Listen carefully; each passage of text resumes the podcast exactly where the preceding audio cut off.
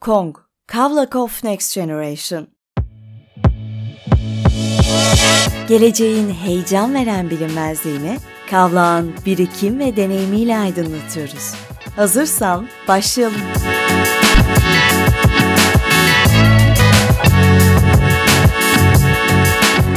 Kong Talks'a hoş geldiniz. Bugün benim beraber bir bölüm kaydetmek için çok çok heyecanlandığım bir konuğum var karşımda. Itır Erhard. Merhaba Itır Hanım. Merhaba, merhaba Öykü Hanım. Şimdi Itır Erhard deyince böyle nasıl tanıtırım dinleyicilerimize birkaç sıfat. Çok zor o sıfatları seçmek çünkü çok fazla var. Akademisyen, sosyal girişimci, aktivist bir insan, sonrasında bir gönüllülük kavramı. Uzun uzun bunları konuşmak lazım sizden bahsederken. Ya birçok alanda aktifsiniz ama siz kendinizi nasıl tanıtıyorsunuz? Size sorarak başlayayım. Evet bazen e, ben de zorlanıyorum e, açıkçası ya da işte annem babam kardeşim Itır ne yapar diye sorulduğunda zorlanabiliyorlar. Ama en çok sanırım e, akademisyen ve e, gönüllü kimliklerimle belki kendimi tanımlayabilirim. Bir de tabii koşucu olmak. Çünkü koşu benim hayatımda çok şey değiştirdi, bana çok şey kattı. Yani koşuyla birlikte başlayan toplumsal dönüşüm, hareket o yüzden belki koşucu kimliğimde böyle en e, önde gelen kimliklerimden bir tanesi diyebiliriz. Hatta buradan belki şunu konuşabiliriz. Enerjiniz yaptığınız işlere yansıyor ve sizi bence bu alanda iş yapan insanlardan ayıranlardan bir tanesi de bu enerji. Birçok alanda etkisini gösteriyor bu enerji. Şimdi hep e, sosyal girişimciler için hayatlarında gerçekten onları etkileyen bir soruna çözüm bulmaları ya da onları heyecanlandıran bir alanda bu sosyal girişimleri hayata geçirmeleri söylenir ya. İşte böylesinin en verimli ve uzun vadeli sonuçlar doğuracağı tavsiye edilir. Sizin içinizdeki heyecanı biraz konuşalım. Sosyal girişimci olmak ve diğer sosyal meselelere merakınız nereden geliyor? Niye bu konu sizi bu kadar heyecanlandırıyor? Aslında gönüllülükten belki başlayacağım. Çünkü ben e, sosyal girişimci olarak çıkmadım yola. E, zaman içinde sosyal girişimciliğe evrildi. Ama e, toplumsal ve ekolojik sorunları e, kafaya takmam ve çözümün bir parçası olmak istemem gönüllükle başladı. Çünkü etrafınızda fark ediyorsunuz. Yani eğitime erişimde adaletsizlik var, e, ekolojik sorunlar var, e, sağlık sorunları var. Yani çok dışlanma var, ötekileştirilme var. Şimdi bunları fark ediyorsunuz önce. Daha sonra da e, çözümün bir parçası olmak istiyorsunuz. E, belki daha da kritik bir adım. Çözümün bir parçası olacağınıza inanıp e, o ilk adımı atıyorsunuz. Benim de öyle başladı. Yani yolculuk gönüllükle başladı. Gönüllülükte fark yaratabileceğinizi, çok küçük de olsa bir dönüşümü tetikleyebileceğinizi gördüğünüz zaman o size çok iyi geliyor. Yani benim de sanırım o sizin bahsettiğiniz işte enerjim, heyecanım oradan geliyor. Yani ne kadar zor şartlar altında olursak olalım, toplumsal ve ekolojik sorunlar ne kadar büyük olursa olsun, işte Itır'ın öykünün burada bir değişim, dönüşüm gücü var. Bunu tetikleme gücü var. Çok küçük de olsa bir etki yaratma gücü var. Onu fark ettiğiniz zaman zaten e, o böyle sonsuz bir enerji veriyor size. E, oradan da e, sizin söylediğiniz gibi sosyal girişimciliğe evrildi. Yani gönüllülükle başlayan yolculuk bir süre sonra benim kafaya taktığım sorun olan yani neden diğer bireyler de toplumsal meseleler için harekete geçmiyorlar?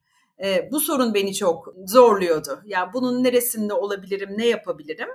Ve e, tesadüfen e, koşarak bağış toplandığını, koşarak e, dönüşümün parçası olunduğunu gördüğüm zaman böyle aa işte aradığım e, bu diye düşündüm. Yani bireyleri e, harekete geçirmenin yolu aslında fiziksel olarak e, harekete geçirmek. O fiziksel hareket başlıyor. Daha sonra o toplumsal dönüşüm başlıyor. Bireyler bireyleri harekete geçiriyor e, sosyal girişimciliğe evrilmek de o şekilde Hı-hı. oldu diyebilirim. Yani aslında bu hep şikayet ettiğimiz bir takım toplumsal konular var ya onlarla ilgili e, çoğumuzun pek de bir adım atmadığı, hmm. sadece şikayet edip o günü öyle geçirdiği konularda e, küçük adımlar, gönüllülük üzerinden, işte e, sosyal girişimcilik üzerinden atılacak adımlar birçok şeyin değişmesine sebep olabiliyor. E, oradaki heyecanı da çok güzel anlattınız. Yani aslında koşuda da sonucu çok çabuk görüyoruz. İşte mesela düzenli olarak yaptığımızda daha iyi yapmaya başlıyoruz. Kendimizi motive edecek şeyi yaptığı anda veriyor o iş. E, aynı şey gönüllülük için de işte bu sosyal alanlardaki girişimcilik için de geçerli. Hemen sonucu almak gerçekten çok büyük bir motivasyon e, ve o insanı yıllarca götürüyordur tabii ki. Çünkü sürekli başka yerlere dokunarak sürekli Kesinlikle. sonuç almak.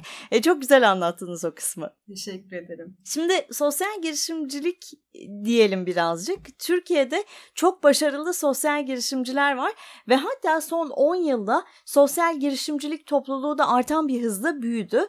E, bence bunun en önemli etkilerinden bir tanesi dünyanın en büyük, en güvenilir ağlarından Ashoka'nın Türkiye yapılanması. Siz de burada yönetim kurulunda yer alıyorsunuz. Biraz bahsedebilir misiniz? Nedir, neler yapar? Belki bilmeyenler için Ashoka nedir? Onunla başlayabiliriz. Hani bir giriş olsun diye. Şimdi Ashoka'nın kurucusu Bill Drayton böyle ilginç bir gözlemde bulunuyor. Diyor ki ya dünyada bir takım insanlar var. Bu insanlar sistemleri dönüştürmeye kafa yoruyorlar. Yani yara bandı çözümler üretmeye değil, sorunlu sistemlerin kendisini dönüştürmeye kafa yoruyorlar ve bunun için de adımlar atıyorlar. Eğer diyor biz bu sistem dönüşümü potansiyeli olan yani sistemleri dönüştürme potansiyeli olan insanları desteklersek o zaman işte sosyal etkimiz e, çarparak artar. Yani Ashoka biraz e, bunu yapıyor. E, Ashoka Fellow dediğimiz işte benim de adım adımın kurucusu arkadaşım Rena'yla içinde olduğumuz program böyle başlıyor. Yani bir fellow avı, sistem dönüştürücüsü avı gibi düşünebilirsiniz. Dünyanın her yerinde e, ofisleri var. E, Türkiye'de de var. Tabii Türkiye'den ilk fellow'lar e, işte Nasuh Maruki, Ercan Tutal gibi e, fellow'lar ve e, o zaman yani bundan bahsettiğiniz gibi 15 yıl önce e, sosyal girişimci kavramından da pek e, bahsetmiyoruz. Yani bir takım insanlar e, büyük değişiklikleri tetikliyorlar ama tam olarak onlara ne diyoruz, onları belki sivil toplumcudan ayıran nedir? E, hani bu o kadar net değil. Ama geçtiğimiz 10 yılda e, Ashoka'nın Türkiye Ashoka'nın da büyümesiyle, e, fellow sayılarının e, 30'un üstüne çıkmasıyla daha bir görünürlük kazandı. Bir yandan da bu bahsettiğimiz kişiler e, birbirlerine de destek olmaya başladı. Yani Ashoka sizin de söylediğiniz gibi bir ağ ve fellow'lar birbirlerini de destekliyorlar. Yani çünkü çok benzer sorunlar yaşıyoruz hayal kırıklığı yaşayabilirsiniz, bir yerde e, bir e, duvara çarpabilirsiniz, finansal olarak zorlanabilirsiniz. Bu bir destek ağı. Yani Türkiye'den ve dünyadan fellow'lar e, bütün deneyimlerini de e, paylaşıyorlar. E, bu sayede e, büyüdüğünü düşünüyorum evet ve daha sonra da e, belki Ashoka'dan ilhamla farklı e, sosyal girişimcilik programları başladı. Yani İbrahim Bodur e, Sosyal Girişimcilik Ödülü gibi. E, bu sayede de ekosistem büyüdü ve güçlendi. Evet aslında yani siz de burada o ekosistemin yaratılma sürecine de e, birebir tanık olmuş durumdasınız. Ve burada çok da güzel sosyal girişimcilik hikayeleri duyduğunuzda eminim. Biraz bu hikayelerden bahsedelim çünkü hem çok heyecan verici hem de toplumsal sorunlara bulunan çözümlerle, oluşturulan topluluklarla çok umut verici hikayeler var. Sizin hikayesini çok sevdiğiniz, yaratıcılığına hayran kaldığınız sosyal girişimler eminim var. Onlardan böyle birkaç tanesini paylaşabilir misiniz? Tabii e, seve seve. Ya bir tanesinin çok ilginç bir hikayesi var. Benim tanışma hikayem de çok ilginç. E, ilk Ashoka yönetim kuruluna alındığımda e, işte masamda böyle yani diğer yeni yönetim kurulu üyeleri ve ben e, bir sertifika bulduk. Sertifikanın üzerinde e, benim adıma bir e, fare evlat edinildiği yazıyordu. Farenin de adı Ikemba. İşte Itır senin adına bir fare evlat edindik e, teşekkür olarak diye. Ben böyle nasıl yani neden fare diye e, hani böyle baktım birbirimize baktık. E, sonra tabii hikayeyi öğrendik ve bütün bu e, bu inanılmaz sosyal girişimin yaratıcısıyla da e, bir Ashoka etkinliğinde tanıştık. Bart Wittgens diye bir e, fellow e, şunu fark ediyor. Yani dünyada çok ciddi bir kara mayını sorunu var. Ee, ve biz bu kara mayınlarını nasıl temizleyeceğiz? Yani onun kafasında e, sürekli dönüp dolaşan böyle bir soru. Bir yandan da e, fareleri var. E, yani ve farelerin e, müthiş bir e, koku alma duyusu e, olduğunu e, fark ediyor. Ve diyor ki biz fareleri kullanarak e, acaba kara mayınlarını temizleyebilir miyiz? ve fareler eğitiliyor ve tabii hafif oldukları için mayını patlatmıyorlar. Mayının yanına geliyorlar. E, ondan sonra onu saptıyorlar. Siz de e, temizliyorsunuz. E, böyle bir sosyal girişim Hero Rats diye. Beni en çok etkileyen e, sosyal girişimlerden e, bir tanesi. Gerçekten e, çok çarpıcı çünkü e, hani soruna o kadar yaratıcı bir çözüm ki. E, sizler biz de o fareleri e, evlat ediniyoruz. İşte onların yaşam masraflarını e, karşılıyoruz. E, benimki Kamboçya'daydı en son. Ikemba orada mayın avlıyordu. Ee, onun hikayeleri size geliyor. Ee, arkadaşlarıma hediye ediyorum. Yani üniversitede bir sevgililer günde öğrencilerime dedim. Dedim bakın bu sene sevgilimize e, fare hediye edelim. Gülüyorlar nereden çıktı hocam fare. Ama hikayeyi duyunca e, gerçekten çok etkileyici. E, yani çok beni etkileyen fellowlardan bir tanesi Bart. E, tabii Türkiye'den çok sayıda fellow yani Bego'dan e, Tülin Akın'a yani Bego'nun e, kendi kod taşlama hikayesinden e, yola çıkarak geliştirdiği Bego Jeans yani bütün e, koddaki e, adil olmayan süreçleri birebir deneyimleyip daha sonra aktivizmle başlayan ve peki bunun doğrusu nedir e, sorusuna cevap olarak ürettiği Bego Jeans. Tülin Akın'ın e, Akıllı Köyü tamamen bizim bir köyde dijital teknoloji kullanarak ne kadar e, daha fazla verim alabileceğimizi gösterdiği gibi. Yani çok bütün fellowlardan e, çok ilham alıyorum gerçekten. Ya gerçekten çok ilham verici. Özellikle o fare kısmını anlatırken hani biz podcast'teyiz şu anda dinleyenler göremiyor yüz ifadelerimizi ama görmelerini çok isterdim. Gerçekten tüylerim diken diken oldu. E, ben de bundan sonra fare hediye edeceğim bu arada. Edin lütfen. Hero Rats. Hemen bakacağım. Gerçekten çok çok etkileyici. Yani zaten bu hikayelerin güzelliği o girişte bahsettiğimiz e, motivasyon kaynaklarından da bir tanesi aynı zamanda. Tabii ki sosyal girişimcilik toplumun dünyanın dönüşümüyle de yön alıyor. Peki sizce son zamanlarda sosyal girişimlerin yönlendiği bir alan oldu mu? Hangi alan ondan bahsedelim? Tabii iklim kriziyle beraber e, ekolojik çözümler üreten e, sosyal girişimcileri e, çok fazla görüyoruz. Çünkü e, işte geri dönülmez bir noktada biliyorsunuz ve o bir buçuk e, derece yani kritik bir buçuk dereceyi aşmamamız gerekiyor. Bu nedenle karbon emisyonunu azaltmaya yönelik e, ya da karbon yakalamaya yönelik e, sosyal girişimler olduğunu görüyoruz. Yani çıkış noktası bu olan ya da e, plastikleri ileri dönüştüren e, mesela For Ocean diye bir sosyal girişim var. Onlar e, denizden plastikleri topluyorlar. Daha sonra e, bu For Ocean bilekliklerine dönüştürüyorlar ve o bileklikleri satarak denizden daha fazla plastik topluyorlar. Yani bunun gibi e, hani o e, negatif etkilerini insan müdahalelerinin azaltmaya yönelik, ortadan kaldırmaya yönelik e, sosyal girişimler var. Tabii tarım alanında onarıcı tarım teknolojileri geliştiren e, sosyal girişimler var. Yine çok e, zor bir alan olan eğitim alanında var. Yani eğitimde sistemsel dönüşüm, zaten Türkiye'den de başka bir okul mümkün e, gibi e, sosyal girişimler var. Farklı bir eğitim mümkün mü? Farklı bir eğitim, e, notlandırma, e, başarı kriteri mümkün mü diye e, eğitim alanında var. Son yıllarda bir de yaratıcı endüstrilerde e, sosyal girişimler görüyoruz. Mesela Türkiye'den tiyatro kooperatifi var. Beni çok etkileyen başka bir e, sosyal girişim. Özel tiyatroların birlikte yan yana durarak e, güçlenmesini sağlayan, gücünü ortaklarından alan bir sosyal girişim. En çok e, karşımıza çıkan alanlar e, bunlar diyebilirim son zamanlarda. Bizim bu aralar çok gündemimizde olan ve iş yapış biçimlerimize etkileyen dijital dönüşümle e, sosyal girişimciliğin arasındaki bağlantıyı konuşalım. Sosyal girişimler dijital dönüşümün hızını da böyle arkasına alıp daha sürdürülebilir iş modelleri geliştirme konusunda ne kadar başarılı? Dijital dönüşüm sosyal girişimlere ne kadar yansıdı? Sizin gözleminiz ne o alanda? Evet, şimdi bazı sosyal girişimlerin zaten e, yapısında dijital var. Yani e, kimileri mesela ihtiyaç haritası gibi platform kooperatifi zaten tamamen e, güçlü bir e, harita tabanlı dijital altyapı üzerinde duruyor gibi. Yani bazıları zaten e, dijital ya da e-bursum e, şimdi mikrofon olan bunlar zaten e, tamamen dijital üzerine kurulmuş yapılar ve sürekli kendilerini e, güncellemek, yeni yazılımlar geliştirmek, uygulamak durumundalar. Yani biz ihtiyaç haritası şimdi şapkamla söyleyeceğim. E, mesela e, deprem bölgesinde çok hızlıca bir e, WhatsApp chatbot e, geliştirdik. Bu sayede e, siz nerede olursanız onun ihtiyacı girdiniz. O bizim e, işte merkezdeki bilgisayarlara düştü gibi. Yani kimisi zaten hani dijital teknolojilerle birlikte e, oluştuğu için buna çok yakın. Ama kimisi e, maalesef istenilen hızda ya da e, etkisini yeteri kadar arttırabilecek e, şekilde dijital teknolojileri kullanmıyor. Yani mesela makine öğrenmesi, blok zincir tabanlı teknolojiler bunlar çok sayıda sosyal girişimin etkisini arttırabilir.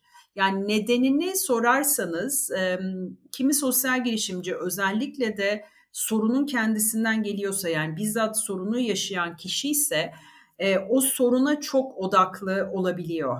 Yani acaba ben e, işte bu sorunun çözümünde farklı bir altyapı kullansam ne olur gibi bir önceliği olmayabilir, e, bir kaynağı olmayabilir. Ee, yine çok zor biliyorsunuz e, dönüyorlar yani finansal olarak kendilerini döndürmeleri kolay değil. E, bir dijital altyapı yatırımı e, çok kolay olmayabilir.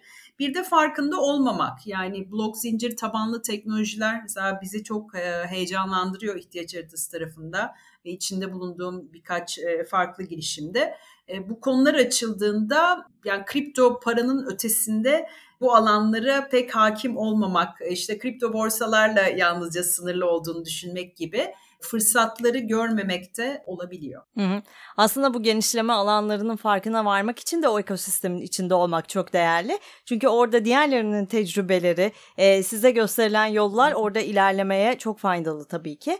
Birazcık tavsiyelere geçelim sizi bulmuşken Tır Hocam. Tabii ki evet. e, sosyal evet. girişimci olmak isteyenlere tavsiyelerinizi almak istiyorum. Yolun başındalar diyelim. Ne tavsiye edersiniz ya da evet. en sık karşılaşılan sorunlar neler oluyor burada? Hı hı. Yani e, öncelikle e, şununla başlamak isterim. Hani ben sosyal girişimci olayım diye pek sosyal girişimci olunmaz. E, yani sosyal girişimci bir sorun gören insandır. Çünkü inanın hiç kolay bir yol değil e, ve sizin kafanızda çözmeyi istediğiniz bir sorun yoksa yani sosyal girişimcilik artık çok havalı, e, dünya buraya gidiyor diye pek sosyal girişimci olunmuyor. Yani sizin e, mesele ettiğiniz e, bir sorun olacak ve takıntılı bir biçimde e, onu çözmek isteyeceksiniz. Çünkü gerçekten kolay bir yol değil.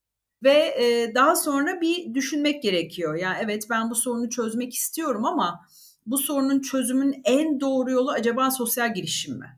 Belki de değil. Yani belki de o sorunu aktivizmle e, daha kolay çözersiniz. Belki aktivizmle etki alanınız çok daha büyük olur. Belki bir vakıf kursanız daha büyük olur. Baktınız hayır e, yani bu sorunun çözümünde e, işte bir ürün ya da hizmet geliştirerek çözümün parçası olmak istiyorum ve aklımda bir fikir var. Tamam o zaman belki sosyal girişimcinin ilk adımını e, atıyoruz. Sonra da e, ekosistemin içine girmeyi öneririm. Çünkü e, işte o ekosistemde yani bu Aşoko olur, İbrahim Bodur sosyal girişimcilik olur, farklı sosyal girişim ağları olur. Orada e, benzer yollardan geçmiş e, sosyal girişimcilerle tanışıp e, onlar ne yaptı, onlarla bir konuşmak, e, onların katıldığı etkinliklere katılmak. Tabii bir sonraki aşamada da finansal sürdürülebilirliği nasıl sağlayacağız? Yani bunu düşünmek. E, çünkü çoğu sosyal girişimci evet sorunu saptıyor, bizlerle tanışıyor. Peki nasıl sürdürülebilir olacak? Aa hiç düşünmedim diyebiliyorlar. Yani o finansal sürdürülebilirliği, geliştireceği ürün ya da hizmet, e, bunun piyasada bir karşılığı var mı, nasıl satılacak? E, biraz bunlara kafa yormak gerekiyor. Hı hı. Peki e, Türkiye'de sosyal girişimcilik ekosistemine bakalım. Siz global ağlarda da çok aktifsiniz. Türkiye'nin sosyal girişimcilik ekosisteminin gelişim alanları neler sizce?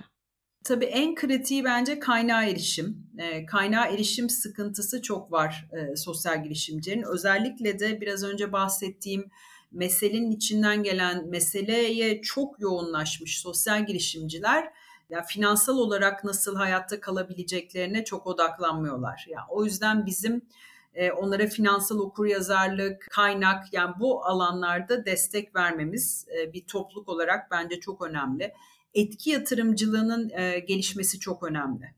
Yani bir sosyal girişimin etki yatırımcısı olabilirsiniz. Nasıl bir sivil toplum kuruluşunun bağışçısı oluyoruz ve onların projelerini yaygınlaştırmalarına, etkilerini arttırmalarına destek veriyoruz. E, aynı şekilde e, hoşumuza giden, bizi heyecanlandıran bir sosyal girişimin yatırımcısı olabiliriz ve onun etkisini arttırmaya destek verebiliriz. Yani bu etki yatırımı kavramının yaygınlaşması e, ve etki yatırımının böyle yükselen bir trend olması bence onların hayatını kolaylaştırır. E, bir de tabii mevzuat düzenlemeleri. Yani kimi ülkelerde biliyorsunuz bir e, farklı statüler var. Yani sosyal girişimseniz, işte B Corp'sanız, sizin vergi avantajlarınız var, istihdam desteğiniz var. Türkiye'de henüz yok. Yani yasal bir statü olarak sosyal girişim, sosyal kooperatif tanınmıyor. Biz kendimizi böyle tanımlayıp kendimiz işte kar dağıtım politikalarımızı, vizyonumuzu, misyonumuzu böyle belirliyoruz. Ama e, bunun bir mevzuatta bir karşılığı yok. Bu da çok kritik. Yani burada bir destek mekanizması, vergi indirimi olursa bu da sosyal girişimcilerin hayatını kolaylaştırır. E, bir de bilinirlik. E, halen sosyal girişimciyim dediğinizde o ne ya diye size böyle tepkiler gelebiliyor. Yani halen Türkiye'de e, çok bilinir değil. Hatta e, birkaç sene önce British Council'la yaptığımız e, Türkiye'de sosyal girişimciliğin durumu saha araştırmasında ben de böyle sahada çok sosyal girişimciyle buluştum. Ee, bir tanesi keşke dizilerde olsa dedi. Yani dizilerde sosyal girişimciler olsa e, ve hani popüler kültüre biraz daha girse, insanların kafasında biraz daha netleşse e, neden olmasın? Yani o popüler kültür ürünlerine belki girmesi ve daha bilinir, e, görünür olması da iyi olabilir. Yani kesinlikle öyle. Hani e, çok aslında Türkiye'de son 10 yıldır e, adını daha sık duyurmaya başladı sosyal girişimcilik dedik. Evet bu işin içinde olanlar, bu alana yakın olanlar için öyle. Toplumun geneli için daha bilinir olması adına da işte umarım böyle podcastler, yayınlar, sizin yaptığınız konuşmalar e, etkili olacaktır, giderek yayılacaktır dizilerde neden olmasın. Şimdi sizinle bir araya gelmişken e, toplumsal cinsiyetten bahsetmesek olmaz tabii ki. Toplumsal cinsiyet eşitliği alanında 20 yıldan fazla bir süredir eğitim veriyorsunuz, konuşmalar yapıyorsunuz bu alanda ve bir röportajınızda herkesin kendi olabildiği bir dünya olduğu zaman toplumsal cinsiyet eşitliği sağlanmıştır demiştiniz. Ben çok sevdim bu ifadeyi. E, bilmiyorum buraya ne kadar yakınız, çok mu uzağız ama herkesin kendi olabilmesi ne demek, neden olamıyoruz? Çok teşekkür ederim öncelikle. E, ya herkesin kendi olması e, çok değerli. Neden? Çünkü üzerimizde toplumsal çok baskı var. Yani bu baskılar aileden gelebilir, eğitim sisteminden, inanç sistemlerinden ve onlar bize e, bir kız çocuğu ya da oğlan çocuğu bir kadın ya da erkek e, ya da ikili cinsiyet sisteminin içinde bir yerde konumlanmış bir birey olarak nasıl olmamız, e, nasıl giyinmemiz, nasıl davranmamız gerektiğini dayatıyor. Bunların çok büyük bir kısmının da e, maalesef farkında değiliz. E, yani hem öğrencilerimle hem işte iş dünyasından dostlarla çok farklı kesimlerle bir araya gelip bu konuları konuştuğumda aa hiç benim üzerimde hiçbir baskı yok. Yani ben hiç e, tamamen kendim gibiyim diyen çok insan e, bir süre sonra e, nasıl baskılar sonucu, nasıl beklentiler sonucu davranışlarını şekillendirdiğini fark edebiliyor. Yani bu bizim ne giydiğimizden, e, işte hangi renk giydiğimizden, saçımız, makyajımız, e, erkek olarak makyaj yapma, yapmama hallerimize, bir flört döngüsünde kimin ilk teklifi yapacağına, kimin ayrılık kararını vereceğine, kimin evlilik teklifi yapacağına kadar hiç de farkında olmadığımız gayet e, zaten doğalı bu dediğimiz pek çok pratiğin bu toplumsal cinsiyet beklentilerinden geldiğini fark ediyoruz. Yani kendimiz olmamız ne demek? Bizim ıtır ve öykü olarak gerçekten istediklerimizi yapıp istemediklerimizi yapmamamız. Yani gerçekten istiyorsak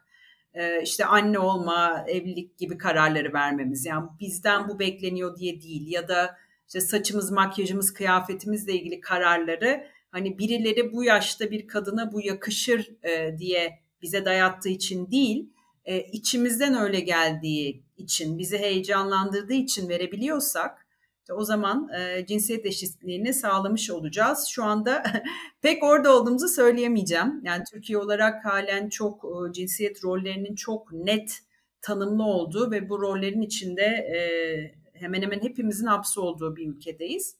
E, ama hani e, bunları konuşuyor olmamız bile çok değerli. Çünkü ilk aşaması tabii fark etmek. Evet. Yani bireysel olarak çok cesur bir soru. Ben ne istiyorum sorusu. Çünkü o toplumsal rollerle şekillendirdiğimiz karakterimizi o kadar benimsiyoruz ki sanki istediğimiz şey oymuş gibi geliyor bize bir yerden sonra. E, ama kendimize dönüp ben ne istiyorumu sorduğumuz zaman o cesaretli ilk adımı attığımız zaman zaten biz de değişimin bir parçası oluyoruz. Yani medyada özellikle işte sokakta, ofiste, iş hayatında kadın ve erkek için biçilmiş roller, e, dil bu eşitlikte makasın açılmasına sebep oluyor. Bu makası kapatmak için bireysel olarak cesaret, kurumsal olarak belki dil değişimi, toplumsal olarak yani neler yapılması gerekiyor evet. sizce? hepimizin yapabilecekleri var. Yani birey olarak öncelikle biraz önce sizin de söylediğiniz gibi, bahsettiğimiz gibi fark etmek. Yani ben gerçekten bunu istiyor muyum yoksa bu bana dayatıldı mı? Eğer dayatıldıysa ve bu bir e, cinsiyet temelli bir beklenti ve rolse önce bunu fark edeceğiz ve e, orada işte küçük bir e, değişiklikle başlayacağız. Yani benim içimden böyle giyinmek gelmiyor ama iş yerinde benden bu bekleniyorsa e, hayır yani böyle giyinmeyeceğim e, diyebilmek belki de. Ya da benim kendi özel durumumda e, baskıyı en fazla hissettiğim annelik süreciydi. Yani ben e, annelikten hemen sonra işe dönmek istedim. Çünkü yani kendime sordum ben evde olabiliyor muyum? Hayır. E, ben işte çok iyiyim ve işe dönmek istedim ama orada de o toplumun baskısıyla ya da ön yargılarla e, kimi zaman bayağı e, hani müdahaleyle karşılaşabiliyorsunuz. Yani hayatının en kutsal dönemini evde mi geçir geçirmiyorsun, işte ne işin var gibi. E, şimdi orada biraz dik durmak ve e, hani bütün o e, tepkilere e, direnmek gerekiyor. Yani bunları yaşıyoruz ya da bir erkek olarak mesela geçen bir arkadaşım yani ben evlenme teklifi iste, etmek istemiyorum. Hele e, tek taş almak hayatta istemiyorum. Yani dünyanın en saçma şeyi bu dedi.